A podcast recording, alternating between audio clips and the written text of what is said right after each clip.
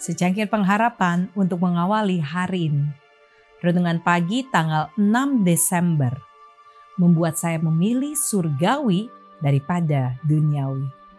Ibrani 10 ayat 34 berfirman, Memang kamu telah turut mengambil bagian dalam penderitaan orang-orang hukuman, dan ketika harta kamu dirampas, kamu menerima hal itu dengan sukacita sebab kamu tahu bahwa kamu memiliki harta yang lebih baik dan yang lebih menetap sifatnya. Di surga, ngengat dan karat tidak merusakkannya, dan pencuri tidak membongkar serta mencurinya. Matius 6 ayat 20. Kalau begitu, izinkan hartamu pergi terlebih dulu ke surga. Simpanlah hartamu di sisi takhta Allah pastikanlah mengenai hakmu atas kekayaan Kristus yang tidak terpermanai.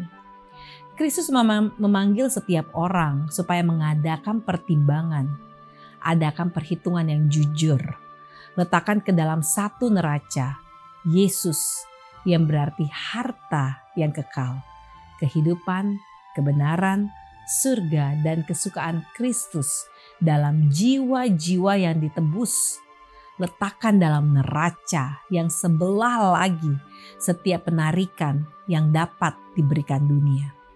Ke dalam satu neraca letakkan kehilangan jiwamu sendiri dan jiwa-jiwa yang sebenarnya kau bisa menjadi alat untuk menyelamatkan mereka.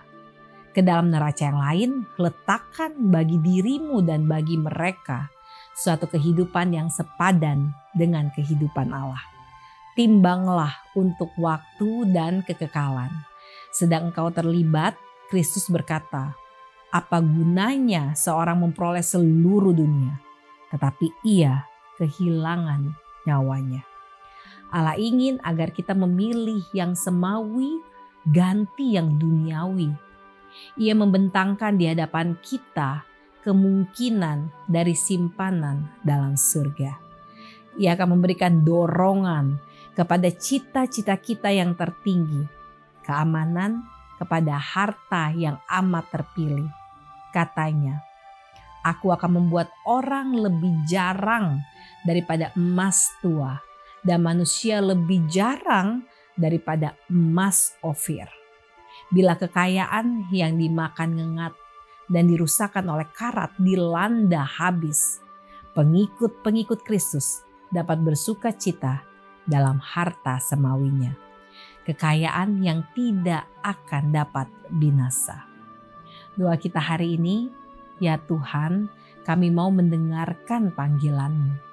Bantulah kami untuk teguh dalam melayanimu. Amin.